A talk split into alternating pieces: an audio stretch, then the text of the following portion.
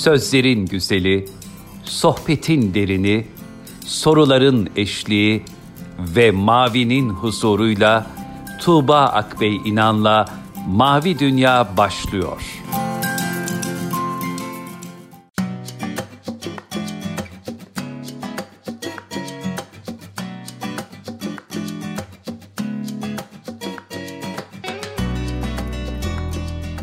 Merhaba sevgili dinleyenler. Tuğba Akbey İnan'la Mavi Dünya'ya hoş geldiniz. Bugün de yine programımızda değerli bir ismi ağırlayacağız. Eğitimci ve yazar. Aynı zamanda Oku Düşün Derneği Başkanı Serkan Ekman Bey bizlerle birlikte. Hocam hoş geldiniz programımıza. Hoş bulduk, merhabalar. Bizim Serkan Bey'le e, tanışıklığımız aslında hızlı okuma ile birlikte gelişti. Bugün programımızda da hızlı okumanın bütün detaylarını ve merak edilen taraflarını konuşalım istiyorum. E, ama öncesinde sizin hikayenizi bir dinleyelim. Bu sürece kadar neler yaptınız? E, oradan başlayalım.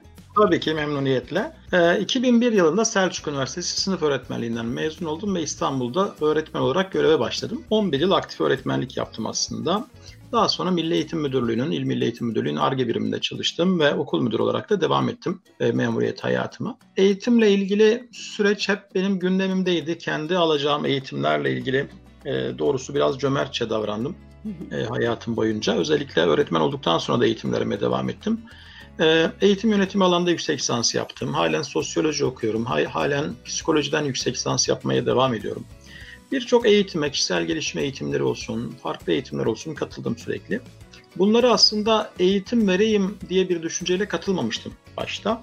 E, fakat bir süre sonra ya bunları ben de verebilir miyim acaba diye düşünmeye başladım ve 2012 yılında akademimizde eğitim ve koçluğu kurarak eğitimler vermeye başladık. Verdiğimiz eğitimlerle ilgili olarak biraz zor bir yerden başlayalım dedik. İlk verdiğimiz eğitim e, bizim çok zor beğenen bir kesime verelim. Bu eğitim eğer memnuniyet oluşursa burada bizim için bir e, tabiri caizse ehliyet olacaktı o süreçten sonra. E, nedir bu zor beğenen kesim? Ben de bir öğretmen olduğum için rahat evet, söyleyebiliyorum. Öğretmenler. öğretmenler çok zor beğenir. O yüzden öğretmenleri tercih ettim. 67 öğretmene 2012 yılında ilk hızlı okuma eğitimimi verdim. Saat 6'da e, başlıyorduk eğitime 10 gibi bitiyordu. Malum yorgun argın geliyor öğretmenler okuldan. E, fakat 5 gün boyunca onların motivasyonunu yüksek seviyede tutup kursu bitirmeyi başardık. Kursun bitimiyle ilgili aslında zaten hızlı okumada tamamen bizden kaynaklanan, benden kaynaklanan bir etki yok. Sistem zaten kendisi insanları hızlı okumaya teşvik ediyor. Eğitmenlerin burada yaptığı şey sadece biraz motivasyonu belki korumak ve yüksekte tutmak, dersi biraz eğlenceli hale getirmek. Dolayısıyla hani başarılar zaten oldu. 2, 2,5, 3 katına çıkanlar oldu 5 günlük eğitimin sonunda. E, fakat benim için en önemli kısım o sondaki değerlendirme formlarıydı. Öğretmenlere verdiğim değerlendirme formlarını toplayıp da güzel teveccühlerini görünce ha dedim ben bu işi yapabiliyorum galiba. Biraz da cüretkar bir şekilde başladım eğitimler vermeye çeşitli alanlarda. Hızlı okumayla başladı aslında yolculuk ama daha sonra öğrencilere yönelik eğlenceli ders çalışma teknikleri, öğretmenlere yönelik oyunlarla sınıf yönetimi, ailelere ve anne babalara yönelik asosyal medya, sosyal aile gibi eğitimler verdim. Ee, daha sonra biraz şirket eğitimlerine yönelmeye başladım. İletişim, beden dili, imaj yönetimi, takım ruhu, liderlik gibi çeşitli alanlarda da eğitimler vermeye devam ettim. Sonra tekrar okumaya dönük bir çalışma e, ile e, Oku Düşün Derneği'ni kurduk 3 yıl önce. Oku Düşün Derneği de e, Türkiye'deki bir acımız olarak kabul ediyoruz. Okuma oranını yükseltmekle ilgili yapılacak her faaliyet çok çok değerlidir. E, o yüzden e, okuma oranımızı nasıl yükseltiriz? Okumayı nasıl daha ilgili hale getirebiliriz? Aileleri bu sürece nasıl katabiliriz? Çocukları nasıl okumayı sevdirebiliriz? Düşünceleriyle biraz da düşünmeye de vakit ayıralım, düşünelim diye de ismini Oku Düşün olarak kurduk. Arkadaşlarımızla birlikte de çeşitli faaliyetler yapmaya devam ediyoruz. Oku Düşün olarak yaptığımız lokom lokomotif projemiz 20'de 20 projesi. 20'de 20 projesi de şöyle akşam saat 8'de 20 dakika ailece kitap okuyoruz. Hmm. Saat, saat tam 8'de. Niye tam 8? Çünkü 8 televizyonların biraz böyle ölü saati gibi haberler bitmiş oluyor, babanın gönlünü etmiş oluyoruz dizilerinde tekrarı başlıyor. Henüz diziler başlamamış oluyor. O yüzden böyle annenin de gönlünü edelim. Arada bir saat bulalım istedik. En uygun saatte 8 gibi göründü. Sadece 20 dakika ailece kitap okumaya teşvik ediyoruz. Bununla ilgili de projeye katılan öğretmenler işte Bağcılar'da Bağcılar Kaymakamlığı, Bağcılar Belediyesi ve Bağcılar Milli Eğitim destekledi. Projeye katılan öğretmenler velilerine saat 7.30 gibi bilgi veriyorlar. 8'de okumalar başlıyor. 8'den sonra da ailece fotoğraflarını gönderiyorlar bize gruplarımıza. Çok böyle güzel, bizi de mutlu eden, motive eden güzel fotoğraflar geliyor. Artık böyle dede, nine varsa evde onların elinde kitaplar oluyor. Eve o saatte bir misafir geldiyse onların elinde de kitapları tutuşturuyor. Bizim bugün okuma saatimiz var saat 8'de diye. 20 dakika böyle hani eskiden telesafirliğe gidilirdi. Şimdi kitap safirliğe gidiliyor tabiri caizse bu proje sayesinde. Birçok büyüğümüz, birçok annemiz bize bundan dolayı çok çok teşekkür etti. Birçok çocuk çok teşekkür etti ailece kitap okumayla ilgili bir farkındalık oluşturduğumuz için. Dolayısıyla Oku Düşün Derneği ile de faaliyetlerimize devam etmeye çalışıyoruz sizlerin de desteğiyle. Hocam şimdi e, Oku Düşün Derneği açısından hem de hızlı okuma ile ilgili bir e, kişisel tecrübeniz e, olduğu ve veri olduğunu düşündüğüm için bu soruyu sormak isterim. İnsanlar neden okumadıklarını söylüyorlar genelde? Bu anlamda ne, ne düşünüyorsunuz siz de edindiğiniz yani, tecrübeler sonrası? Ya kesinlikle ihtiyaç e, hissettirmekle ilgili. İnsanlar bunu ihtiyaç olarak görmüyorlar ne yazık ki. Ee, Türkiye'de yapılan bir araştırmada 238. sıradaydı sanırım kitap. İhtiyaçlar sıralamasında. Hani tornavida ihtiyaç, pense ihtiyaç, tuvalet kağıdı ihtiyaç vesaire sıralanıyor. En alta, en altlara doğru işte 238. Ee, sırada yanlış hatırlamıyorsam kitap çıkıyor karşımıza. Dolayısıyla bir ihtiyaç olarak kabul edilmiyor, görülmüyor. Bir ihtiyaç olduğunu hissettirmek gerekir. Kitap okuyanların başarı hikayelerini göstermek gerekir. Kitap okudum hayatım değişti. Bir kitap okudum hayatım değişti. Kitap okumaya başladım hayatım değişti. Hikayelerini e, anlatmak gerekir. E, dolayısıyla hani kitap okuduktan sonra ne olur? Okumadan önce ne olmuştu? Bunu hissetmek lazım. Bununla ilgili Einstein'ın çok sevdiğim bir sözü var. E, kitapla ilgili diyor ki aslında diyor bütün dünyadaki bütün üniversitelerden alacağınız eğitimi yalnızca 5 dolarlık bir kütüphane kartıyla alabiliyorsunuz. Evet. E, dolayısıyla eğer böyle bir endişesi varsa, böyle bir derdi varsa insanların kitap okuyarak geç üniversiteye gitmeden üniversite hocalarımıza da ayıp etmiş olmayalım ama e, onlar kadar neredeyse bir alanda uzmanlaşmış oluyorlar. Yani tek bir konuyla ilgili işte 50 kitap 60 kitap okunduğunda Türkiye'deki bir doktora öğrencisinin neredeyse doktora tezini yazarken okuduğu kitap sayısıdır. 50-55 kitap, 60 kitap. Dolayısıyla 50-55-60 kitabı okursa eğer e, bir kişi bir yıl içerisinde küçük çapta illegal bir doktora yapmış olur aslında. Dolayısıyla bunu ihtiyaç olarak hissettirmek lazım. Çocuklara da, anne babalara da. Hocam Belli siz şimdi kesme... e, aynı zamanda sınıf öğretmenliğinden mezun olduğunuz için bu soruyu sormak istiyorum. Şimdi kendi kişisel tecrübelerimden de gözlemlerimden de fark ettiğim şu ki çocuklar aslında okula gidene kadar kitap dinlemeyi, kitaplarla haşır neşir olmayı seviyorlar. Ee, ne oluyor da işte ilkokula başladıkları andan itibaren, o özellikle ilkokul bir sürecinde itibaren çocuklara kitap okumak bir zulme dönüşür Nasıl? hale geliyor. Nasıl bıktırıyoruz çocukları evet, değil mi? Evet nasıl bıktırıyoruz. Yani kendi çocuklarımdan da biliyorum.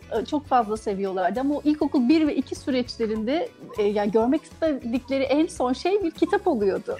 Ee, burada ne bir sıkıntı yok mu aslında bakıldığında? Okumayı ya, bu kadar zorla öğreterek mi acaba yol alıyoruz? Ne dersiniz bir öğretmen çok, olarak? Çok büyük sıkıntı. Ee, bence en büyük sebebi şu. Çocuklara kaldırabileceklerinden ağır yükler yüklüyoruz ve ağır ödevler veriyoruz. Ben kendi öğretmenliğimi böyle 3'e 4'e ayırırım. Evlendim ve bekar olarak pardon bekar olarak yaptığım bir öğretmenlik var. Evlendim. Evlendikten sonra bir süre daha öğretmenlik yaptım. Oradaki 2 yıllık öğretmenliğim biraz farklı. Çocuğum oldu Çocuğum olduktan sonra empati kurma yeteneğim arttı doğrusu. Öyle işte 6 yıl falan farklı bir öğretmenlik yaptım çocuk ilkokula başlayana kadar. Çocuk ilkokula başladıktan sonra çok çok daha farklı bir öğretmenlik yaptım. Çünkü tamamen artık empatik olarak görmeye başladım. Anne babaların durumunu da evde kendim de yaşamaya başladım, hissetmeye başladım. Tevafuk oldu. Benim eşim de öğretmen, ben de öğretmenim. Ee, ikimiz de birinci sınıf aldık. Ayrı ayrı okullarda görev yapıyorduk. Ee, işte tevafuk o sene hani bizim birer rastlamamızla çocuğun birer rastlaması aynı döneme denk geldi. Çocuk da bir okuyor. Biz de bir okutuyoruz. Çocuk bir başka öğretmen arkadaşımız da okuyor. Eve geldi çocuk işte ödevlerine falan bir bakalım yardımcı olalım bakalım yapalım dedik. Ya yap yap bitmiyor yap yap bitmiyor böyle hani uğraşıyoruz. Çocuk bunalıyor işte biz bunalıyoruz. Ebeveynler olarak güya eğitimciyiz bir de yani bu işi biliyoruz güya. Bir an böyle şunu söyledim çocuğa ya senin öğretmenin ne kadar çok ödev vermiş dedim. Sonra da dudağımı ısırdım. Aynı ödevleri ben de vermiştim. Dolayısıyla o akşam evlerde meydana gelen o gerginliklerin müsebbibi benim. Kendi 40 öğrencimle ilgili. İşte anne babanın birbiriyle ya bu çocuk ödevini niye yapmıyor tartışması, çocuğun ebeveynleriyle arasındaki o kuşak çatışması ve beraberindeki ödev çatışmasının aslında müsebbibi ne yazık ki yine biz öğretmenleriz. Çocuklara kaldırabilecekleri kadar aslında e, yük yüklememiz gerekiyor. E, bence çok ağır yükler yüklüyoruz çocuklara. Çok fazla ödev veriyoruz. Bu ödevi vermekle ilgili süreçte de süreç biraz kontrolden çıkmış gibi aslında. Hani öğretmen vermek istemezse öğretmen kötü öğretmen oluyor. Bizim öğretmen hiç ödev vermiyor diyor veliler. Baskı evet. yapıyor öğretmene tabii. Ee, işte ne bileyim kuzeni kuzeni bir başka okulda okuyor. Oradaki öğretmen çok ödev veriyor. Bizim öğretmen hiç ödev ver, vermiyor. Demek ki bizim öğretmen ilgilenmiyor. Aslında Milli Eğitim bu ödev meselesiyle ilgili çok net bir şekilde ödev verilmemesi gerektiğini özellikle ilkokulda tabiri caizse yasakladı. Ama bunu diyorum ya bir baş edemiyoruz. İşte müdürlüğümle ilgili de süreçte çantasız eğitime geçelim dedik. Okulumuz normal eğitimde, normal öğretim yapıyorduk biz. Dolayısıyla çantayı çocuklar taşımasınlar dedik. E, okulda kalsın. En çok veliler itiraz etti. Evde nasıl yani çocuklar nasıl ders çalışacak o zaman falan başıboş mu kalacaklar? E, doğrusu ben de işte bir ebeveyn olduğum için biraz yine yine kendimize batırmalıyız bence. Çocuğun ödevinin olması, evde çocuğun ödev yapması aslında biraz da annenin babanın dinlenme süreci gibi geliyor bana. Onu da kullanıyoruz. Hani sen ödevini yap biz de biraz kafa dinleyelim oluyor mesele. Dolayısıyla böyle biraz birbirine dürten, birbirine bağlı bir sorun yumağı haline geldiğini düşünüyorum ben. Ne yapılabilir dersek de evet ödevle ilgili süreci hafifletmemiz lazım. Annelerin, babaların, öğretmenlerin burada milli eğitimin tavsiyelerine uyarak e, mutlaka e, ödev sayısını azaltmak hatta hiç vermemek bence doğrusu. Zaten başarı kriteri olarak da biliyorsunuz şu an birinci, ikinci ve üçüncü sınıfta artık sınav yapılmıyor. Dördüncü sınıftan itibaren sınav yapılabiliyor. Yani çocuğa sen başarılısın, sen başarısızsın mesajı verilmiyor, verilmemesi gerekiyor. Dolayısıyla ödev de böyle bir süreçte aslında tamamen e, çocuğu rahatlatacağımız aslında bir unsur olarak karşımıza çıkıyor. e, şimdi çocukluktan itibaren kitaplarla bağımız o kadar güçlü değil topluluk toplum olarak ve bir anda sınavlar geliyor ve biz işte paragraf sorularını daha çabuk çözebilmek için birden okuma telaşına düşüyoruz ya da okuldan böyle bir mesaj geliyor ve dolayısıyla hızlı okuma sanki aslında bunların hayatımızda en o kritik dönemleri kolaylaştırmak için varmış gibi e, giriyor ve size gelen insanların pek çoğu da muhtemelen böyle bir süreçle geliyorlardır. Şimdi hızlı okuma deyince en başında itibaren başlarsak ne anlamamız gerekiyor? Hızlı okuma e, dediğimiz şey neyi kolaylaştırıyor da böyle eğitime ihtiyaç duyuyorum ben? Şöyle ben e, hemen dinleyicilerimizin, izleyicilerimizin aklına gelen klasik bir soru var. Anlayarak mı hızlı okuyacağız? Yani bu hızlı okuma dediğimiz şey anlayarak mı yapılan bir şey? Evet anlayarak hızlı okumaktan bahsediyoruz aslında. En başta bu yanlış algıyı aslında gidermek lazım. Da, daha doğrusu yani okumak zaten anlayarak yapılan bir faaliyettir. Dolayısıyla anlayarak hızlı okuma oranını arttırmaya çalışıyoruz biz aslında. Süreyi işte bir dakika okunan, okunabilen kelime sayısını arttırmaya çalışıyoruz hızlı okuma sürecinde. Ne işe yarıyor bu? İşte dediğiniz gibi sınav sürecinde paragraf sorularını yetiştiremeyen, sınav sürecini, süresini yetiştiremeyen, işte son 20 soruya hiç bakamadım bile diyen çocuklar aslında bir kolaylık olsun diye hızlı okuma eğitimleri var. E, bu eğitimler alınmalı. Artık sınava hazırlanırken de daha çok soru çözme, test çözme, kitap okuma beraberinde başarıyı getirmiş oluyor. Hem de sınav sırasında e, vakti verimli kullandıkları için de daha e, az stresle, daha yüksek bir başarıyla sınavı bitirme e, imkanları oluşmaya başlıyor çocuklarımızın aslında. E, nasıl bir şeydir hızlı okuma? Hızlı okuma bir aslında temelde üç kriteri gerçekleştirmeye çalışır. Birincisi gözün aktif görme alanını genişletir. Aktif görme alanı dediğimiz e, karşıya baktığımızda ne kadarlık bir alanı net görüyoruz aslında. Kitaba baktığımızda kitabın ne kadarını net görüyoruz. Kaç kelime görebiliyoruz veya bir kelime görüyorsak sadece biz bunu 2'ye, 3'e, 4'e, 5'e çıkarmaya çalışıyoruz. Bir bakışta 5 kelime görmeye çalışıyoruz ki beşer beşer sıçrayabilelim. İkincisi işte göze ritim kazandırmadır hızlı okuma eğitiminde birincisi aktif görme eğitimi, ikincisi gözel itim kazandırmadır. Artık birer birer sıçramıyoruz. Doğru beşer beşer, üçer üçer sıçrıyoruz ama yine de bunu hızlı sıçramalarla yapmamız gerekiyor. Dolayısıyla hızlı sıçramalar beraberinde aktif görme alanını geliştirdiğinde, getirdiğinde zaten ciddi bir okuma oranı artmıyor, artmış oluyor. Üçüncüsü de gözün dayanıklılığını arttırmaktır. Göz kaslarını geliştirmek ve gözün dayanıklılığını arttırmaktır. Bu da şundan kaynaklanıyor. Bazen deriz ya e, beynim yoruldu. E, beynim yoruldu ifadesi aslında kitap okurken beynim yoruldu ifadesi aslında e, beyin yorulmaz. Beyin e, kaslardan oluşmadığı için yorulma e, yetisi yok beynin. Yorulan ne? Gözlerimiz aslında, göz kaslarımız. Göz kaslarımız yoruluyor, yoruluyor Yorulduğu için de uykumuz geliyor. Yorulduğu için de sıkılmaya başlıyoruz. Yorulduğu için bunalmaya başlıyoruz. Dolayısıyla biz daha uzun süre okuma yetisi kazandırmaya çalışıyoruz aslında kişilere. Ne yapıyoruz? Göz kaslarını güçlendiriyoruz. Verdiğimiz egzersizler göz kaslarını güçlendiriyor. Tıpkı spor salonuna giden bir kişinin ilk gün 10 metre koşuyu pardon 10 dakikalık koşu bandındaki e, hareketi koşuyu nefes nefese tamamlaması, ertesi gün işte kaslarının hamlaması falan. Ama bunu 3 gün, 5 gün, bir hafta devam ettirdiğinde artık hocam 15 dakikaya geçelim demesi gibi. Kaslar çünkü artık asıl enerjilerini, asıl yapabilecekleri sınıra ulaşmış oluyorlar ve daha fazlası istiyorlar. Dolayısıyla biz de göz kaslarını dayanıklı hale getirmeye çalışıyoruz. Böylece uykum geldi mesajını almış oluyoruz aslında. Beynin böyle bir mesaj göndermesini engelliyoruz. Çünkü artık daha dayanıklı hale ulaşmış oluyor. E, temelde aslında bu üç madde üzerine kurulu. Hı hı. Aktif görme alanını geliştirmek, gözel itim kazandırmak ve gözün dayanıklılığını arttırmak daha uzun okuma süreleri oluşabilsin diye. Şimdi okumayla ilgili biliyorsunuz bizde annelerin yaptığı büyük hatalardan bir tanesidir. Yine babaların yaptığı büyük hatalardan bir tanesidir biliyorsunuz. Ya biz duyduklarımıza inanırız ve uygularız. Bunu da çok sık duyduğumuzda artık tam bir kabullenmeye dönüşmüş olur. Bu kabullenmelerden, yanlış telkinlerden bir tanesi şudur. Ee, çocuğa deriz ki, e, oğlum uyku vaktin geldi, hadi geç uyu artık, odana geç. Bize verdiği cevap genelde ama uykum gelmedi olur. Bizim verdiğimiz cevap da genelde biraz kitap oku, uykun gelir. Dolayısıyla çocuk bunu duya duya, ha kitap demek ki okununca uyulması gereken bir şey, kitap uyku getiren bir şey mesajını aslında küçük yaşlardan itibaren veriyoruz. Hatta ben e, bebeklere bile masalın yatarken okunmaması gerektiğini düşünüyorum son zamanlarda.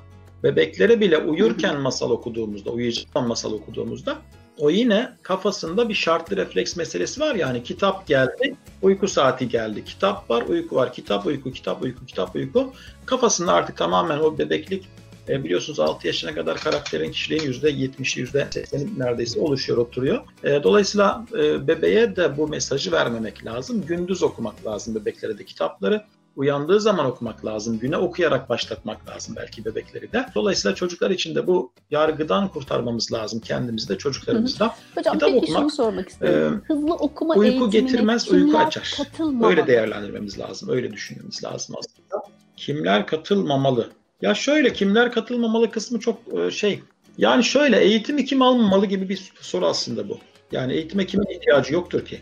Herkesin ihtiyacı var. Ee, ihtiyaç olup olmadığını hissetmek gerekir.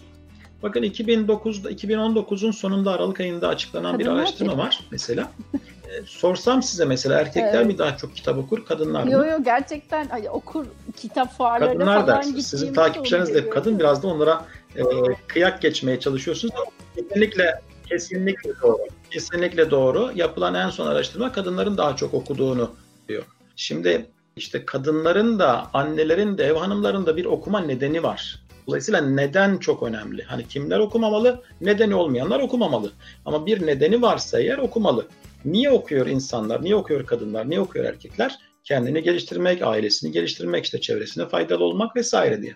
Dolayısıyla bir neden sorusu bence çok çok önemli. Herkes bu soruyu sormalı. Neden kitap okumalıyım? Dolayısıyla nedene e, yönelik bir e, bilinç oluşturmamız gerekiyor. Evet. Bazen bana soruyorlar ne okuyalım hocam kitap tavsiyeleriniz nelerdir? Ben de önce neden sorusundan başlayalım diyorum. Ne okuyalım değil, neden okuyalım? Neden okuma sorusuna göre kitap listesi oluşturulabilir. Hani canınızın sıkıntısını mı gidermeye çalışıyorsunuz? Dünya klasiklerini mi merak ediyorsunuz? Tarihi mi öğrenmek istiyorsunuz? Neden okumak istiyorsunuz? Sonra ne okuyalım? Daha sonrası nasıl okuyalım? Hızlı okuyalım kesinlikle. Hızlı okumak çünkü dikkati artırır. Dikkatli anlamayı kolaylaştırır. Nerede okuyalım? Her yerde okuyalım. Her yerde. Evde, okulda, yolda, arabada her yerde okuyalım. Ama okumak için yine ayrı bir zamanımız, ayrı bir masamız, ayrı bir köşemiz olsun. Bu da ekstra daha konsantre okuma için. Ama işte okuma ve dinleme desek yine e, kitap dinlenebilir de aynı zamanda. Dolayısıyla toplu taşımada e, işte metrobüste, metroda bir eliniz e, ayaktayken tutamaçta ama kulaklıktan kitap dinlemeye, kitap okumaya devam edebiliyorsunuz. Dolayısıyla her yerde okunabilir aslında kitap. E, dolayısıyla bu soruları da arda arda sıraladığımızda neden? Da sordum, neden ne, katılmamalıyız? Nasıl, Çünkü nerede? bir eğitimden çoğu e, zaman e, bence biraz daha zihnimizde e, oturmuş emeğimiz olur. olmadan bir şey alacakmış gibi bir bakış açımız olduğunu düşünüyorum ben. E, evet yani hiçbir eğitim böyle bir gücü yok ve kitaplar yani hızlı okumaya giden ha, birinin benim evet, kişisel evet. tecrübemde şey şu zaten önce biraz kitaplarla arasının iyi olması gerekiyor. Yani hani hiç kitap okumayan birinin hızlı kitap okuması çok bir anlam ifade etmiyor bence. Benim aldığım eğitimde de gördüğüm şeylerden biri buydu. Dolayısıyla aslında hani hiç kitap okumuyorsanız hızlı okumaktan başlamak yerine evet. kitap okumaya başlamayı tercih etmek sanki daha mantıklı değil mi? Yani bu burada eğitimden mucize beklemeyi beraberinde getirir ve sonra şey der ya ben bir şey elde edemedim'e gidecek sonra süreç. Ya şöyle bizim ok- okuma eğit daha doğrusu hızlı okuma eğitimlerimizle ilgili bazen biz bunu okuma eğitimi diye e, aslında anlatıyoruz insanlara. E, yani illa hızlı okuması gerekmiyor aslında. Okumayı hatırlatıyoruz. Okumayı gündemlerine almış oluyoruz. Bizim verdiğimiz eğitimde biliyorsunuz 6 gün sürüyor eğitimimiz ama daha sonra 63 günlük bir takip sistemimiz var. 63 gün boyunca her gün mesaj gönderiyoruz. 3 günde bir kitap bitirmelerini istiyoruz. Şunu söyleyeyim bu sabah bana saat 8 gibi gelen pardon dün gece gelen bir mesaj bir öğrencimizden. Hocam şimdiden emekleriniz için teşekkür ederim. Martı kitabını büyük katkınızla 25 dakikada bitirdim. Daha önce hiç kitap bitirmemiş bir insan olarak. Dolayısıyla daha önce hiç kitap bitirmemiş, hızlı okuması da şart değil ama biz ona kitap bitirtmiş olmuşuz. Yani diyorum ya hızlı okuma şart değil. Dolayısıyla hızlı okuma eğitimini sadece illaki hızlı okuyacağım diye gelmeye de gerek yok. Bizdeki takip sistemini kabul edip 63 günde 21 kitap bitirmek istiyorum diyenler de gelebilir. Ama hızlı okumayı başaramazlar mı? Herkes hızlı okumayı başarabilir. Kitap okuyanların sadece şöyle bir avantajı var tabii ki. Kitaba daha aşinalar, kelimelere daha aşinalar, kelime hazneleri daha geniş. Dolayısıyla daha hızlı atlayabiliyorlar, sıçrayışları daha hızlı yapabiliyorlar. Bazı bölümleri atlayabiliyorlar. Dolayısıyla kitaba kitaba aşina olan kişiler daha hızlı okur ama hiç aşina olmayanlar da bir şekilde okuyorlar ve yine hızlı okuyabiliyorlar. Ama dediğiniz kısım şurası önemli. E, hatırlattığınız iyi oldu. Bizim ilk günkü eğitimimiz ücretsizdir. Para iade garantilidir daha doğrusu. Ödeme yapılır ama ödemeyi biz ilk gün isterlerse geri iade edebiliyoruz ilk gün dersinden sonra. Neden? İlk gün şunu anlatmaya çalışıyoruz. Bakın biz bir sihirbaz değiliz. Hızlı okumada bir sihir değil. Biz burada çip takmıyoruz kimseye. Bu bir spor. Göz sporu yaptırıyoruz biz size aslında. Göz sporuna eğer düzenli olarak katılacaksanız, ilk yorulduğunuz yerde vazgeçmeyecekseniz, ilk canınız sıkıldığında aman olmuyormuş demeyecekseniz eğer buyurun devam edelim eğitime. Değilse ya hocam ben öyle bilmiyordum hani gelir gelmez hızlı okuyacağım zannediyordum. E, o zaman ben paranızı iadeyim diyorum. E, ne siz bizi üzün ne biz sizi üzelim yoralım. E, burada hemen e, yolla, yollarımızı ayıralım. Ha ayrılan olmuyor onu söyleyeyim ama ee, en azından biz bu ön kabulle başlatmak yani alarak herkesi. aslında bir yani niye işe yaramadı? İşe yaramadıysa muhtemelen benden kaynaklanmıştır ee, desin söz konusu hızsa eğer, işte az önce şöyle bir laf ettiniz. Aslında hız insanın dikkatini daha değerli toplu hale getiren evet. bir şeydir dediniz ama toplumsal algı anlamında bakıldığında sanki hızın ve hazın işte birbirini çok fazla lezzet alamadığımız düşünüldüğü bir durum da var. Yani ne kadar hızlanırsam kitaptan lezzet alamam ki onlardan biri de bendim doğrusunu söylemek gerekirse. Sanki yani kitap okumak bir keyifli bir halden çıkıp şeye dönüşecekmiş, bir göreve dönüşecekmiş gibi düşündüğümüz zamanlar da var. Böyle düşünen insanlar da vardır elbette benim gibi. Siz ne dersiniz bu konuda? Hız ve haz, e, kitabın lezzetini almayı bu hız engelleyen bir şey midir? Yok tam tersine hız hazzı artırıyor. Hızlı araba kullanmak gibi. Yani ilk hedefimiz bizim neydi? Araba kullanmaktı. Araba kullanmak çok zevkliydi.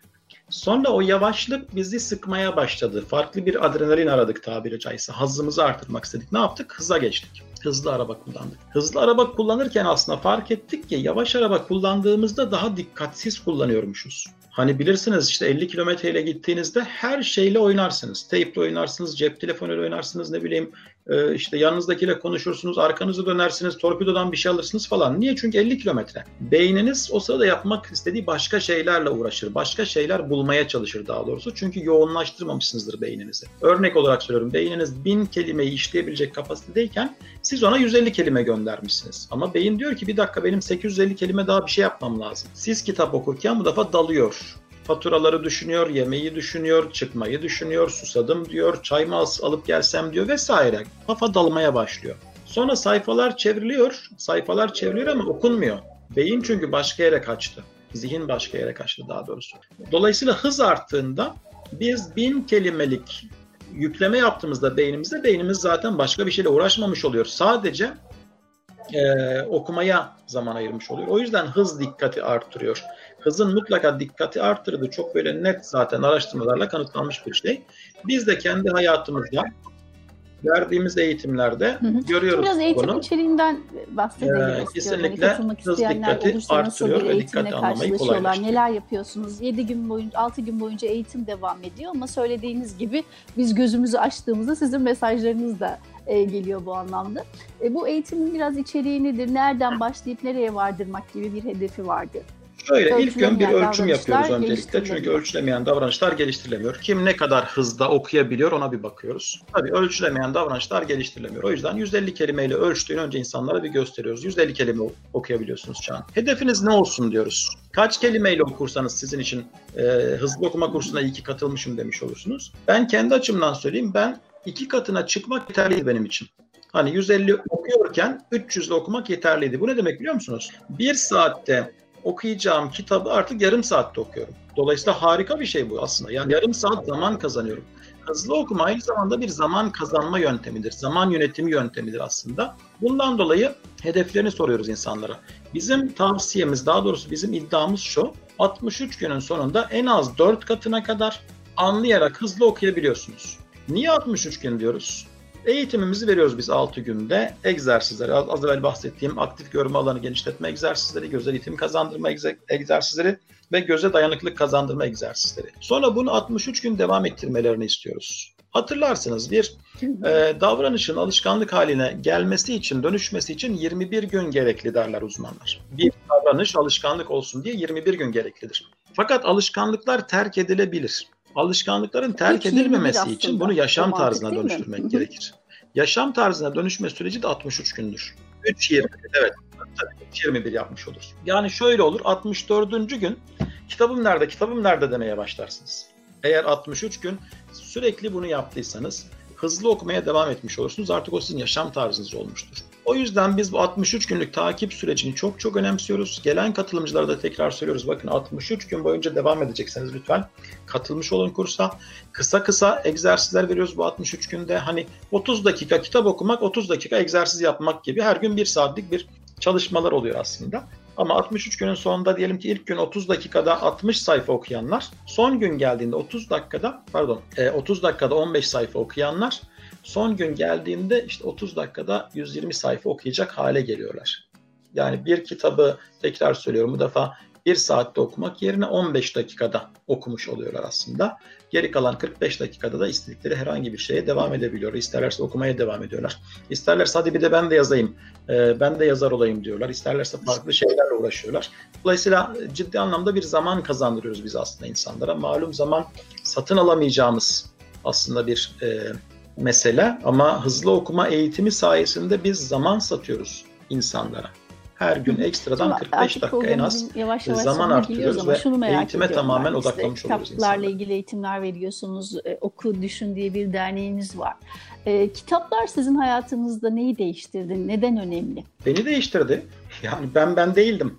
20 ee, yıl önceki, 30 yıl önceki ben ben değildim. Kitap okumaya ben liseden itibaren başladım. Ee, çok şükür ki erken tanıştım kitapla, kitap okuma hazzıyla. Ama ya her kitapta farklı bir dünya, her kitapta farklı bir yazar, her kitapta farklı bir düşünce ee, çok çok geliştirdi beni. Yani Einstein'ın o söylediği yani bütün üniversitelerden alacağınız eğitimi kitaplardan alabilirsiniz zaten dediği şey benim için çok etkili. E, tabii okuma e, hevesinize göre, okuma listenize göre hangi alanda geliştireceğinize göre de değişiyor. Anne babalık, ebeveynlikle ilgili kitap mı okuyorsunuz? Kendi kişisel gelişinizle ilgili mi? Şirketinizle ilgili mi kitap okumak istiyorsunuz gibi. Dolayısıyla ne alanda gelişmek istiyorsanız kitap her şekilde sizi geliştiriyor aslında. Beni de çok fazla geliştirdi doğrusu. Ee, yani eğitim veriyorum hani daha ne olsun öyle söyleyeyim. Yani şu an e, aldığım eğitimler sayesinde, okuduğum kitaplar sayesinde eğitim veriyorum. Hayatımı biraz da buradan kazanıyorum. Hem öğretmenliğimden hem de ekstra verdiğim eğitimlerden kazanmış oluyorum.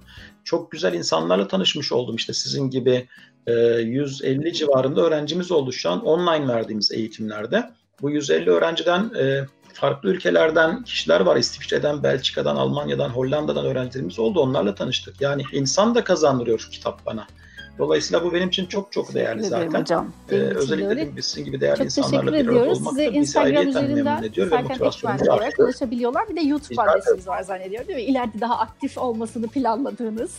Evet evet. YouTube YouTube'a e, bu haftadan itibaren bir şeyler yüklemeye başlayacağız inşallah. Instagram'ı biraz daha aktif kullanıyorum. Diğer sosyal medya hesaplarım da var ama şu an e, herkes Instagram'da gibi gelmeye başladı. Özellikle şu Ramazan sürecinde şey, korona sürecinde ve Ramazan ayında fark ettim ki en popüler Instagram diye biliyordum zaten ama hani bu kadar mıydı? E, ben de yoğun kullanmaya başladığımda fark ettim ki herkes Instagram'daymış aslında. Çok teşekkür ederiz. E, diğer taraflar Twitter'lar, Facebook'lar biraz daha hafif geçiyormuş artık sosyal medyada. Ben çok teşekkür ederim. Ee, ben de özellikle size çok evet. teşekkür ederim. Podcastlerinizi ben de e, dinliyorum. Dinlemeye başladım. İlk podcastiniz kızınızlaydı.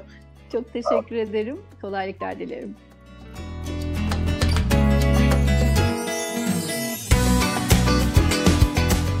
Sevgili dinleyenler, bugün eğitimci, yazar, aynı zamanda Oku Düşün Derneği Başkanı Serkan Ekman Bey bizlerle birlikteydi. Hem okumaktan ama aynı zamanda e, hızlı okumaktan bahsetti kendisiyle birlikte. Hızlı okuma eğitimleri veriyor Serkan Ekman Bey. Instagram üzerinden onu takip edebilirsiniz. Tuğbak Bey İnan'ı da Instagram üzerinden takip ederek hem geri bildirimlerinizi iletebilirsiniz hem de bundan sonraki programların haberlerini alabilirsiniz efendim. Bir sonraki programda görüşünceye dek hepinizi Allah'a emanet ediyoruz. Hoşçakalın.